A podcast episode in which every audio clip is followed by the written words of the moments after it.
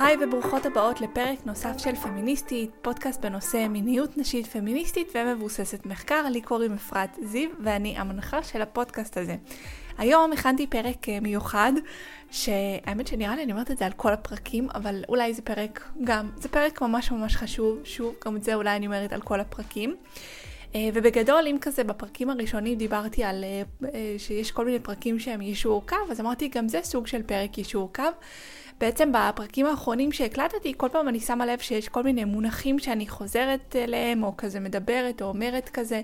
אז פותחת כל מיני סוגריים קטנים פה ושם על למה המונח הזה בעייתי, למה המונח ההוא בעייתי, כל מיני דברים כאלה.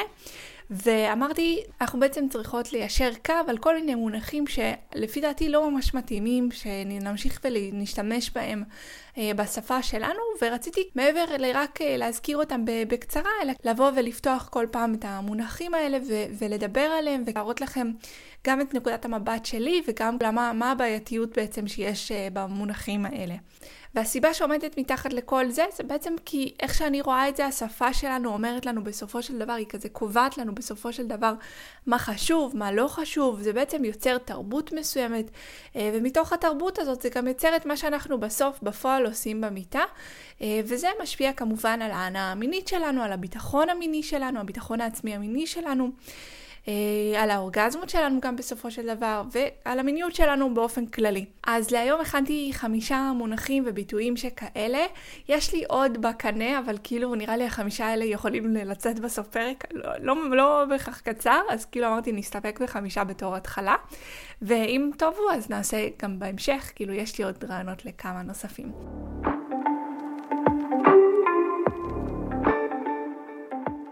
אז, אמ, אז יאללה, בואו נתחיל בעצם עם הראשון, והראשון זה בעצם ניחושים, כאילו אם הקשבתם לפרקים הקודמים, או בכלל אם אתם מכירות אותי, זה נראה לי אחד הדברים שכזה. תמיד אני איכשהו מזכירה אותם, וזה בעצם המונח אה, משחק מקדים. מה זה בעצם משחק מקדים? בתכלס, משחק מקדים, אם אני אשאל כזה ברחוב, מה שיגידו לי, מה שיענו לי, זה שזה כל אותן הפעולות שנעשות לפני יחסי המין. זה בעצם מה שנקרא, אה, הרי זה נקרא מקדים, כן? לכן זה כאילו כל מה שקורה לפני יחסי המין עצמם. שבתכלס, אם אני אשאל כזה, מה המטרה של המשחק המקדים, אנחנו נראה שכאילו אנחנו נבין אה, מתוך מה נחשב המשחק העיקרי, שזה בעצם ההכנה למשחק העיקרי, ההכנה לחדירה. או במילים יותר פשוטות, בתכלס המטרה של המשחק המקדים זה להכין את האישה לחדירה. זה כאילו לפי השפת רחוב, כאילו לפי מה שאם הייתי שואלת בן אדם כללי. עכשיו, למה אני לא אוהבת את זה? כי קודם כל זה אומר שהמשחק העיקרי זה החדירה, וחדירה זה בדרך כלל זה הזמן שבו הזכר מענג, אה, סליחה, הזכר מקבל עונג שהוא אה, מדויק לו, בעצם עונג אה, בפין, שזה האיבר, האיבר המין המרכזי של הזכר. ועבור הנקבה ככה ככה, זה משתנה. אבל אה, זה בטח לא מדויק כמו שזה מדויק לגבר. זאת אומרת שיש נשים אולי שכן יותר אוהבות גירוי נרתיקי, אבל עבור uh, רוב הנקבות, סליחה, לא אנשים, עבור רוב הנקבות, גירוי לדגדגן זה בעצם הגירוי ששקול לגירוי בפין. וגם דיברנו על זה בפרק 2 או בפרק 3, כן, פרק 2, שם דיברתי על מיתוס האורגזמה מחדירה, אז שם גם הרחבתי על הנקודה הזאת. אז uh, כמו שאמרתי, עבור הנקבה, גירוי לדגדגן זה בעצם השקול לגירוי בפין, והנרתיק זה לא הדגדגן, אוקיי? זה איבר אחר, הוא קרוב, אבל זה לא אותו דבר. אז אם אמרנו שהמשחק העיקרי אה, הוא בעצם החדירה, נכון? כי המשחק המקדים זה כל מה שמקדים לחדירה, אז החדירה העיקרי זה בעצם החדירה. אז מה שזה אומר זה שבעצם כל הדברים שנעשו קודם, שבפועל יש להם את הסיכוי הכי טוב לגרום לאישה לחוות אורגזמה, זאת בעצם רק המנה הראשונה, זאת לא המנה העיקרית. ועל מנה ראשונה אפשר הרבה פעמים לוותר, נכון? זה לא כמו מנה עיקרית. כלומר, כאילו אנחנו מבינות מתוך השפה שזה כאילו לא הדבר הכי חשוב. ואם זה לא כזה חשוב, אפשר בעצם למהר, אפשר להזדרז, אפשר לוותר על זה באופן כללי, וזה עוד דבר שבעצם בסוף מוביל לפער האורגזמות. אה, ואם אתם זוכרות מה זה פער האורגזמות, זה בעצם למצב, לתופעה הזאת שנשים חוות פחות אורגזמות. ואם הייתי גם אומרת את זה באופן כללי יותר, אז זה בכלל מוביל לתפיסה הזאת שהעונג הנשי הוא לא חשוב, זה רק מנה ראשונה. לפעמים נשקיע בה יותר, לפעמים פחות, לפעמים, לפעמים נוותר עליה כליל כזה. עכשיו, סתם בתור כזה תרגיל מחשבתי מצחיק שכזה, לא שזאת הכוונה שלי, אבל כאילו תחשבו על זה בתור תרגיל מחשבתי שכזה. מה היה קורה אם היינו בעצם קוראות לחדירה קינוח, אוקיי? שהמשחק המרכזי, סקס, זה בעצם העינוג של האישה, ומצד שני, החדירה היא בעצם קינוח, כשלא תמיד יש קינוח, לפעמים בא לנו קינוח, לפעמים לא בא לנו קינוח. אז נכון שזה נשמע מצחיק, נכון שזה נשמע מוזר, נכון שזה נשמע כאילו סוג של יחסי מין שהם אפילו קצת כאילו מופרכים שכאלה. אז כמובן שהמטרה שלי היא לא להפוך הכל כזה ב-180 מעלות, או בגלל שנגיד השפה שלנו סוג של מבטלת עונג נשי, אז כאילו לבטל עונג גברי או זכרי או משהו כזה. הכיוון שלי הוא לא כזה, אלא הכיוון שלי או המקום שאליו אני חותרת זה פשוט שוויון, אוקיי? שהעונג של שני המינים חשוב, ושאנחנו עושים במיטה דברים שמספקים עונג לכל מי שמשתתף או משתתפת. ולכן יש לי בעצם הצעה אחרת, במקום לומר משחק מקדים, אז יש לי הצעה אחרת. זה עדיין לא איזשהו פתרון מוחלט, אני עדיין כזה פתוחה לשמוע את הדעות שלכם, אז אם יש לכם כזה איזושהי אופציה אחרת, אני ממש ממש אשמח לשמוע. אבל כרגע אני נוטה יותר לומר את המילה חימום. אז במקום כאילו לשנות משחק מקדים, מאוחר, אה, מרכזי, להמשיך להשתמש כאילו בשפה הזאתי, שבתכלס זה מחזיר אותי לשפה הזאתי של משחק מקדים, שיש לו גם אה, בראש שלי לפחות קשר לנשים, אה, משהו שכזה כאילו נעשה עבור נשים ולא משהו שהוא עבור גברים, למרות שבתכלס הוא יכול להיות גם עבור גברים. אז חשבתי על בואו פשוט נמציא מילה אחרת, או לא נמציא, אני אשתמש במילה חדשה לחלוטין. אז אה, המילה שאני חשבתי עליה זה המילה של חימום, אה, ובחימום יש כאילו משהו שהוא חדש, ובעיניי הוא גם עבור נשים, גם עבור גברים, לגמרי כאילו זה יכול להיות משהו שהוא ממש טוב לכל המינים, לכל המגדרים. אה, זהו, מה עוד? חוץ מזה, הייתי אומרת שבקורס שלי אני נכנסת קצת יותר בהרחבה לנקודת מבט הזאת, וגם כל מיני דברים שאפשר לעשות בחימום, כאילו הכוונה היא לא לעשות את אותם דברים אה, שהיינו עושים במשחק המקדים, ואז עכשיו כאילו פשוט לקרוא לזה בשם אחר, אולי גם, אבל לא רק. למשל, בתפיסת העולם שלי, החימום גם ממש לא חייב לכלול מגע באיברי המין, אבל זה כאילו משהו שנתעמק בו בהזדמנות אחרת. אה, אבל גם באמת בלי להתעמק בזה, זאת האלטרנטיבה שיש לי אה, לעניין הזה. אבל שוב, אם יש לכם רעיון אה, משלכם, בבקשה תשתפו אותי ואולי נעשה פרק פולו-אפ לדבר הזה, שבו נמציא מילה חדשה למונח הזה, משחק מקדים.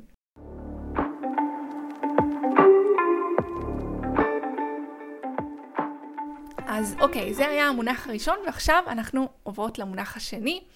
הדבר השני שהייתי רוצה שנתחיל לשים לב אליו בשפה שלנו, זה בעצם הבלבול בין האיברים פוט, דגדגן ונרתיק. הזכרתי את זה קצת, ממש קצת, בפרק מספר 4 על המאמר בנושא חשק. ששם כאילו אמרתי שהמאמר היה מאמר באנגלית, ושם כזה דיברתי על אחת הבעיות השכיחות בחברה שלנו אה, בנוגע לחינוך המיני, שהרבה פעמים בחינוך המיני האנגלי, כאילו, דובר בשפה האנגלית כזה, אז יש בלבול בין האיברים, בין המונחים של מה, מה זה כל איבר. אז אני רוצה רגע לתת איזשהו הסבר, ואז נדבר על הבלבול. אז קודם כל, אה, מה זה פוט? פוט זה בעצם כל החלק החיצוני של איבר המין של הנקבה. נרתיק זה בעצם הצינור במרכאות, הפתח שמקשר בין החוץ לצוואר הרחם ולרחם. דגדגן זה איבר שיש לו חלק שהוא חיצוני, שהוא גם נגיש לנו, וחלק שהוא פנימי. החלק החיצוני נמצא בעצם בחלק העליון של הפוט. והוא גם האחראי הגדול, העונג המיני, עבור הרוב המוחלט של הנשים ושל הנקבות, אוקיי? והדגדגן, יש לו, הוא נמצא, החלק החיצוני לפחות של הדגדגן נמצא במרחק מסוים אה, מהנרתיק, והכל נמצא בעצם בתוך הפוט. אוקיי? הפוט כולל את הדגדגן, הוא כולל גם עוד כל מיני דברים, שפתיים פנימיות, חיצוניות, את פתח השופחה, את פתח הנרתיק. אז בעצם משהו אחד שכלול בתוך אה, הדבר הזה שנקרא פוט. עכשיו, מה הבלבול? הבלבול הוא בדרך כלל בין הפוט לבין הנרתיק. הדגדגן לא קשור, תכף אני אסביר למה הזכרתי אותו בכל מקרה, אבל בדרך כלל יש הרבה פעמים בלבול בין הפוט לנרתיק. והבלבול הזה, כמו שאמרתי מקודם, הוא נפוץ יותר באנגלית. אז למשל, האם מישהי כאן יודעת איך אומרות פוט באנגלית?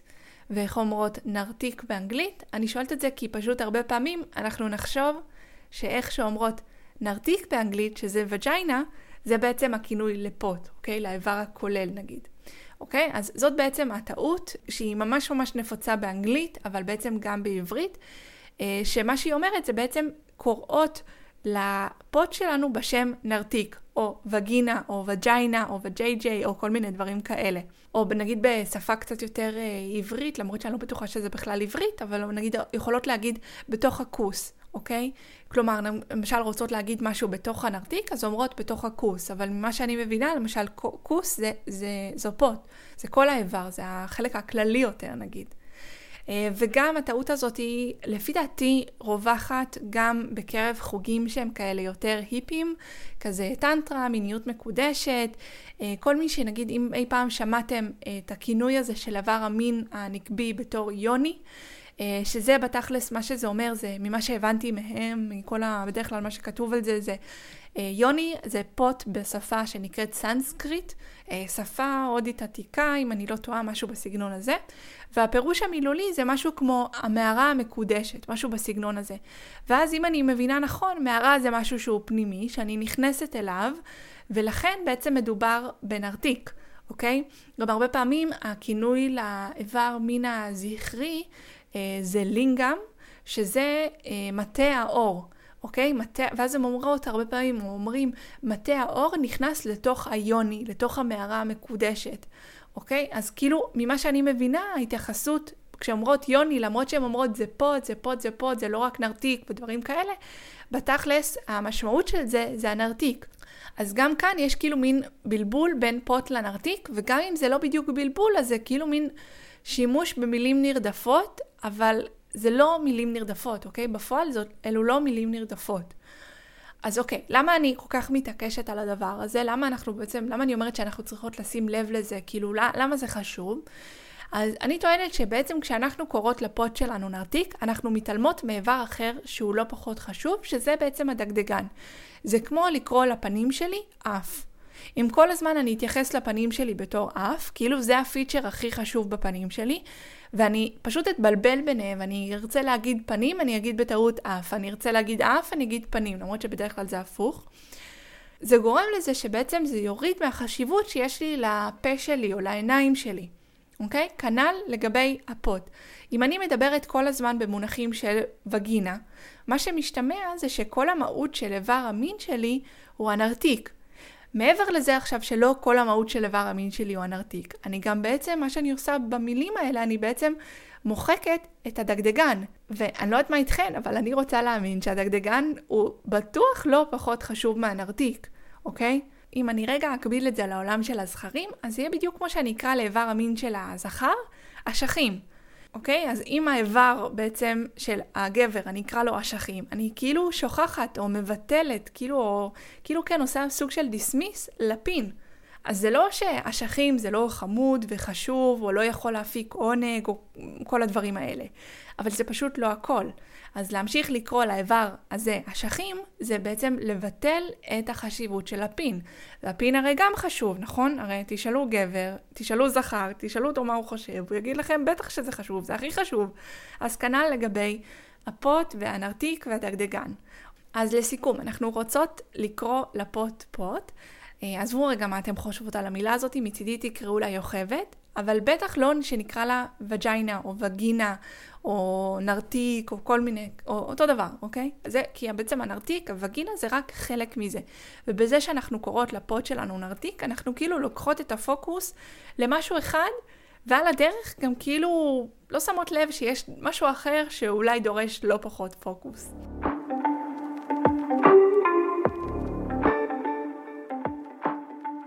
יופי, אז המונח הבא שאנחנו רוצות להעלים מהעולם הזה הוא, היא, הוא דחף מיני. אה, בקצרה, חשק מיני הוא לא דחף, אוקיי? הוא לא drive, sex drive, כל הדבר הזה.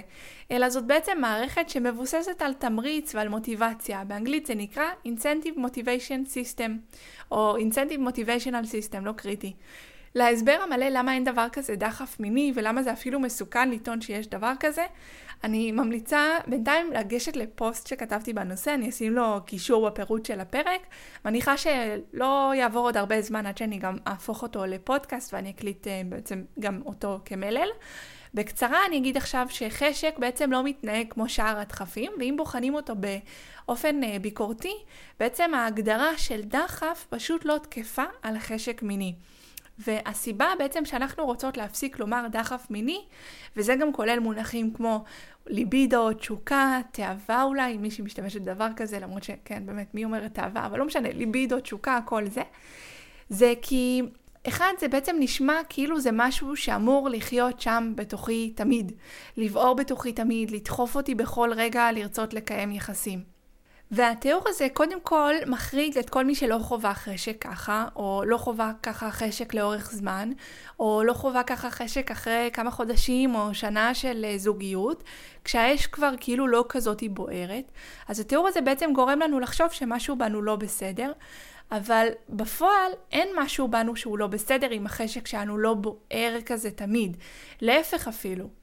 כי לא ככה חשק עובד. חשק צריך גירוי, הוא צריך הקשר שמתאים לו, וזה רק שניים מתוך כמה וכמה דברים שחשק צריך.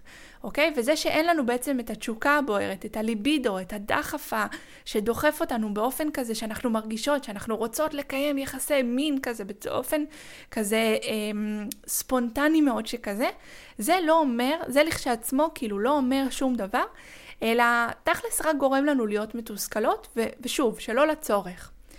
עכשיו, סיבה נוספת למה אני לא אוהבת לדבר על חשק מיני בתור דחף, זה בגלל שכשאנחנו בעצם מדברות במונחים של דחף, אנחנו בעצם עלולות לסלוח על פעולות מסוימות כי דחף. מה הכוונה? תדמיינו שיש מישהו שהוא ממש ממש ממש ממש רעב, והוא אה, חסר לו כסף, הוא ממש מרושש שכזה, והוא גונב אה, כיכר לחם אה, איזושהי מאפייה. עכשיו, רעב זה דחף, ולמרות שאני מניחה שאנחנו לא מסכימות עם האקט הזה של הגניבה, באיזשהו מקום אני מאמינה שיש לנו גם טיפה חמלה לגבי זה. כי הבן אדם ממש היה רעב, הוא גבה מרעב, ובינינו אנחנו יודעות שזה כזה... החיים שלו, זה שהוא לא ימות מרעב, זה יותר חשוב מנגיד הכמה שקלים שהלחם עלה. אוקיי? המאפייה, אנחנו מניחות שהיא תשרוד את, הגניבה הזאת. מצד שני, אם אנחנו בעצם מגבילות את הרעב אה, לדחף מיני, פה כבר יש איזשהו עניין אחר. מישהו שלוקח מין ללא רשות, כי יש לו דחף מאוד מאוד גבוה, נשאלת השאלה האם זה מקובל, האם נסלח על דבר שכזה.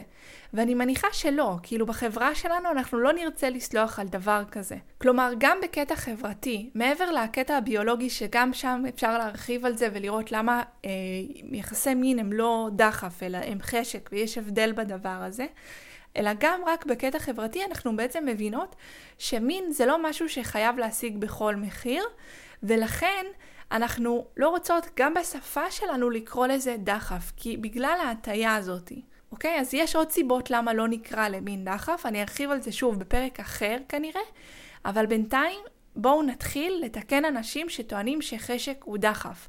זה פשוט לא. ובמקום זה נתחיל לומר חשק מיני, או סתם חשק, אוקיי? אפילו לא צריך להמציא פה מילה חדשה, פשוט לומר חשק מיני.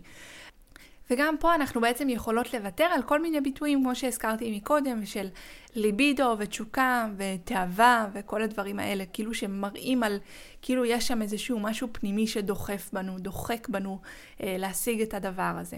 אז אה, זהו, כמו שאמרנו, חשק מיני.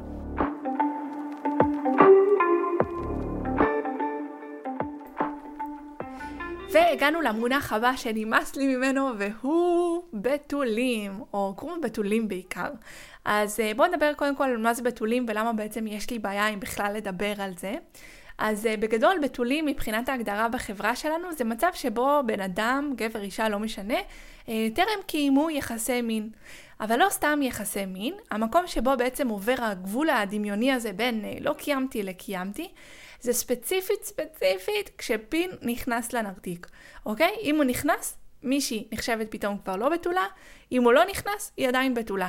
לא משנה שהיא יכולה לעשות אלף ואחד דברים אחרים, המקום שבו עובר הגבול זה באמת בפין שנכנס לנרתיק. עכשיו, למה זה מעצבן? אחד, זה בגלל שזה שוב מגדיר לנו שיחסי מין זה בעצם חדירה. חדירה של מה? של פין לנרתיק. ומפה קל קודם כל להידרדר למחשבה שבעצם סקס שווה חדירה. ושוב, לא שיש לי איזושהי בעיה עם האקט של החדירה, אבל זה שוב כמו לקרוא אה, לסקס נשיקות. נשיקות זה חלק מזה. לפעמים גם זה לא חייב להיות חלק מזה, זה תלוי באנשים. אז כנ"ל לגבי חדירה. חדירה זה לא האקט הכי הכי חשוב שיש, ובעצם כשאנחנו ממשיכות אה, עם, ה, עם הקו מחשבה הזה של כאילו אה, הבתולים, החדירה, זה מה שקובע אם מישהי בתולה או לא בתולה, זה בעצם אה, מנכיח כמה האקט של החדירה זה האקט הכי מרכזי ועבור כולם, וכאילו באמת ממרכז את זה סביב העניין הזה. אז הסיבה השנייה למה אני לא אוהבת את המונח הזה בתולים, טמון בעצם במשמעות של המונח הזה בתולים.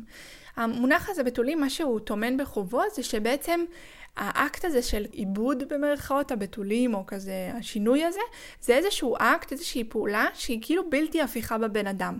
וספציפית אני אדבר על נשים, כי שם זה בא הכי לידי ביטוי, אוקיי? אצל גברים כאילו לא נעשה שום שינוי, ובדרך כלל המסר החברתי הוא לא מסר שלילי. אצל נשים המסר הוא יותר שלילי. ובסופו של דבר מה שזה אומר זה שהאקט הזה של העיבוד, שוב במרכאות בתולין, זה בעצם יש לו איזושהי משמעות מעבר למשמעות שבתכלס יש לזה. אני אומרת, המשמעות שבתכלס יש לזה, על פי ההגדרה היום, זה שפין נכנס לנרתיק, אוקיי? זה, זה המשמעות שיש לזה. אבל בחברה שבה אנחנו חיות, יש לזה משמעות נוספת לדבר הזה. יש לזה משמעות של למשל מופקרות, או מישהי שכאילו במרכאות שומרת על הבתולים שלה, זאת מישהי שכזה כאילו שומרת על עצמה, ויש לזה גם משמעות, באתי להגיד כזה היסטורית, אבל בתכלס זה לגמרי משהו שיכול להיות נוכח עד היום, פשוט בתרבויות כאלה ואחרות, גם בארץ ישראל הקטנה, זה לגמרי עדיין נוכח ו- וכזה משתמר, שיש לזה בעצם איזושהי משמעות לערך של האישה. אוקיי? והתפיסה היא ש-once איבדת את הבתולים, זה כאילו פתחת קופסת שימורים, את לא יכולה לסגור אותה בחזרה באותה צורה כמו שהיא הייתה לפני כן. או כמו להוציא אקמול מה... מהכזה, החפיסה הזאת שיש כזה 12, שאת כזה פותחת את האלומיניום הזה כזה, וזה יוצא וזהו, זה כבר פתוח, נקרע, כזה דבר, אוקיי? אז, אז המשמעות שבעצם יש פה זה שקודם כל ברגע שעשית פעולה מסוימת זה מגדיר את הזהות שלך, את פתאום הופכת להיות מישהי בעלת זהות מסוימת ובתרבות שלנו זה גם מעיד, כאילו הזהות הזאת פתאום יש לה ערך פחות יותר, אוקיי? וזה עדיין שאריות של תפיסות שהן ישנות ששם בעצם הגוף שלך והנרתיק שלך על אחת כמה וכמה הוא בעצם שייך אה, לגבר הראשון שידע אותך. אוקיי? אז אמרנו בעצם שהמונח הזה משמר את התפיסה שסקס שווה אך ורק חדירה, זאת בעיה אחת של הדבר הזה, וגם שהערך שלנו תלוי בקרום שאולי יש לנו בכניסה לנרתיק, והסיבה שאני אומרת אולי יש לנו זה כי לא לכולן יש אותו. אגב, הנושא הזה של בתולים זה נושא מה זה מעניין, אני אגיד לכם למה, כי בעצם זאת אחת הדרכים שלי, או אחת הסיבות נגיד, למה אני חושבת שחינוך מיני ללא ראיית עולם פמיניסטית, ללא נקודת מבט שכזאתי, זה חינוך, חינוך מיני די מעפן, שכאילו, הייתי אומרת, צריך קצת להיכחד מהעולם הזה. אני יכולה לתת לכם אפילו דוגמה ממשית, יש לי את זה עם הרבה דברים, אבל כאילו בתולים זה פשוט דוגמה קלאסית לדבר הזה, שבו ראיתי מחנכת למיניות שכזאתי באינסטגרם זה היה, אני חושבת, כן, זה היה בסטורי כזה, ששאלו אותה איזושהי שאלה על קרום הבתולים, ואז היא כזה פשוט נתנה מידע על אה, קרום הבתולים, מה יכול לקרות, או מה יכול לא לקרות, או מה יכול, מה, כאילו כל מיני, פשוט נתונים כאלה יבשים על הקרום, שבתכלס זה חשוב, זה, זה לא לא חשוב. פשוט המקום שבו אני רואה את זה כאילו כחסר, זה אם פשוט עוצרות שם. אם נגיד מישהי מעלה טענה שהיא חוששת על הבתולים שלה, היא חוששת שהיא סתם משהו, לא יודעת מה, השתמשה בטמפון ו- וזה נקרא לה קרום הבתולים, והאם היא לא בתולה יותר. אז אם אנחנו בעצם רק נותנות את המידע הבסיסי, יש בזה מין חצי עבודה שכאילו, איך אפשר שלא להשלים את העבודה השלמה? ומה הכוונה? אנחנו יכולות לבוא ולהגיד, תקשיבי, להכניס טמפון, הקרום הוא מכוער כזה, את לגמרי יכולה להכניס טמפון ולא יקרה שום דבר לקרום שלך. העבודה השלמה אבל באה לידי ביטוי כשאנחנו אומרות, רגע, אבל מה המשמעות בכלל של בתולים? האם בתולים זה מונח ששייך לעולם אה, ישן שאנחנו לא רוצות לסחוב את זה איתנו עוד, ומה המקור של זה, ועד כמה זה מטופש שיש איזושהי פעולה שהאישה עושה, ופתאום הזהות שלה משתנה, ופתאום הערך שלה יורד בעקבות הפעולה הזאת, ועד כמה זה דפוק הדבר הזה. אז סתם, זה תמיד כזו דוגמה go to שלי, של uh, מה ההבדל בין חינוך מיני בסיסי לחינוך מיני שהוא קצת, uh, כאילו הייתי אומרת שאיך אפשר uh, ב-2020 והלאה לא לעשות אותו, כזה דבר.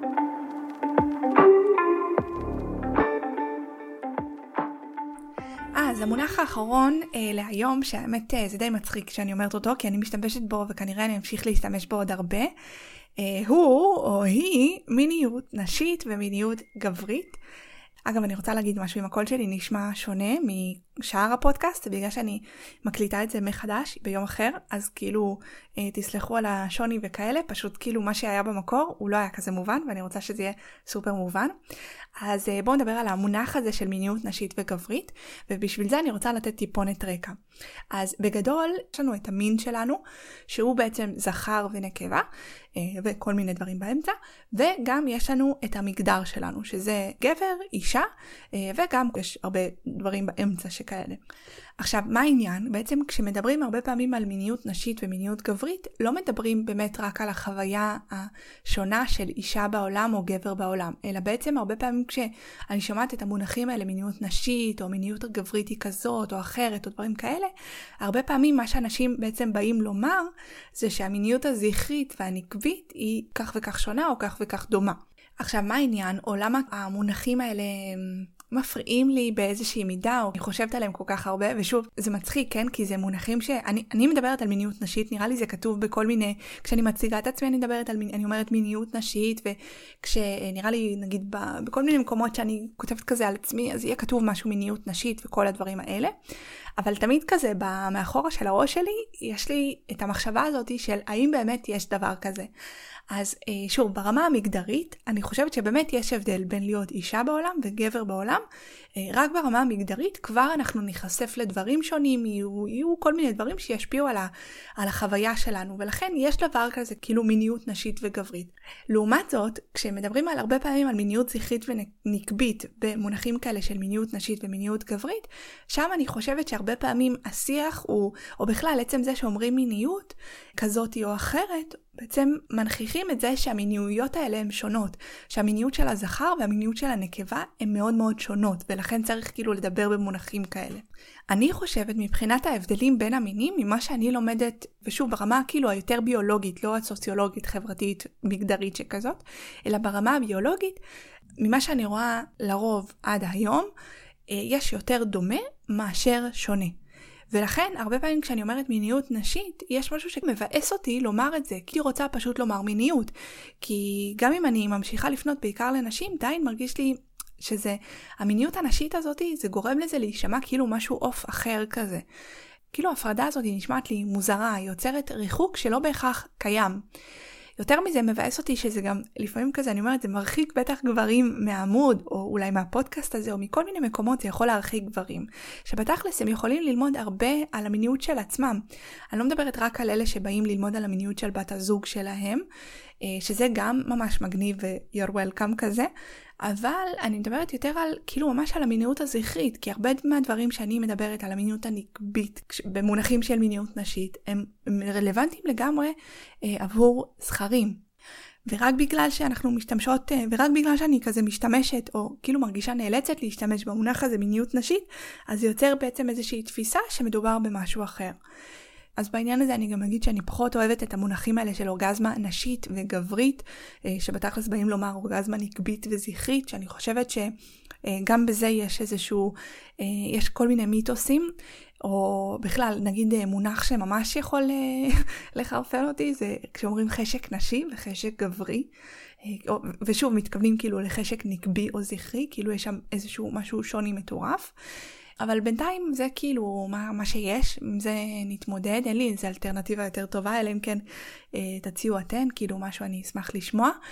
זהו, בקיצור, מיניות נשית, מיניות זכרית, גברית, כל הדברים האלה, כל הסמטוחה הזאתי, אה, זה מה שיש לנו כרגע. אה, שתדעו שאם זה הפריע לכם עד היום, אז זה לגמרי גם היה בתשומת לב שלי, ואם לא שמתם לב וזה היה לכם טבעי, אז אה, אולי תחשבו על זה מחדש.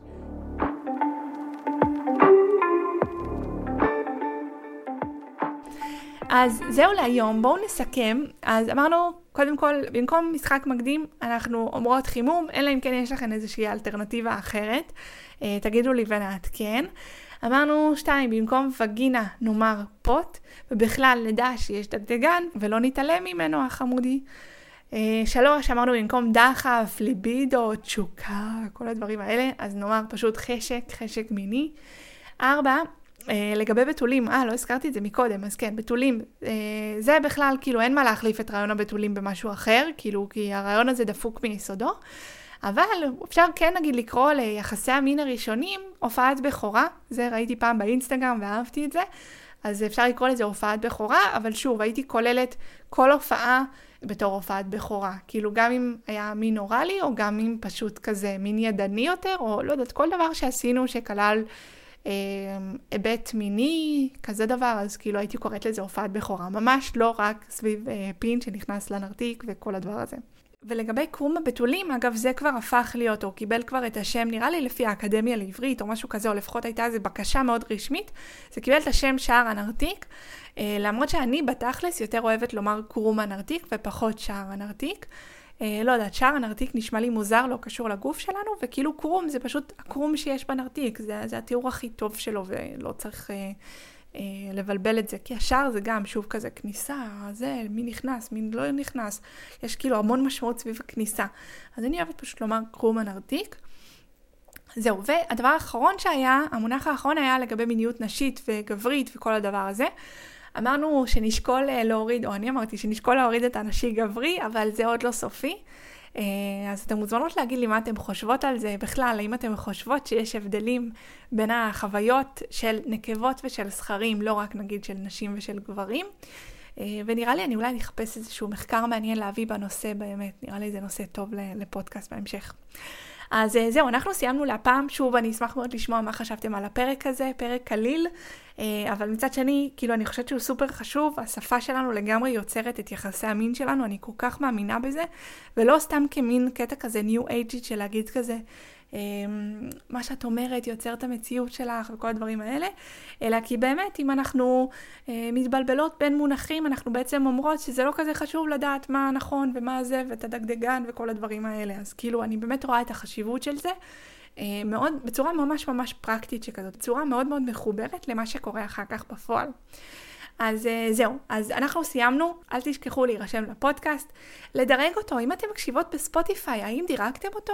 כדאי מאוד. וכמובן, אם במקרה אתם לא עוקבות אחרי באיזושהי פלטפורמה, אז מוזמנות גם לעקוב. Uh, באינסטגרם אני נקראת דה פמיניסטית, או חפשו בשורת חיפוש אפרת זיו. בפייסבוק אני נקראת אפרת זיו, מיניות נשית פמיניסטית ומבוססת מחקר. הנה, גם פה מיניות נשית שיחק תפקיד. ומוזמנות גם להירשם לתפוצה באתר, האתר שלי נקרא פמיניסטית.com ובאופן כללי יש בו הרבה אה, פוסטים ודברים מעניינים שכזה כתובים וגם את הוידאוים שלי, יוטיוב גם מופיע שם, אז מוזמנות גם לבקר אה, שם. אז אנחנו סיימנו להפעם, ביי בינתיים, נשתמע בפעם הבאה.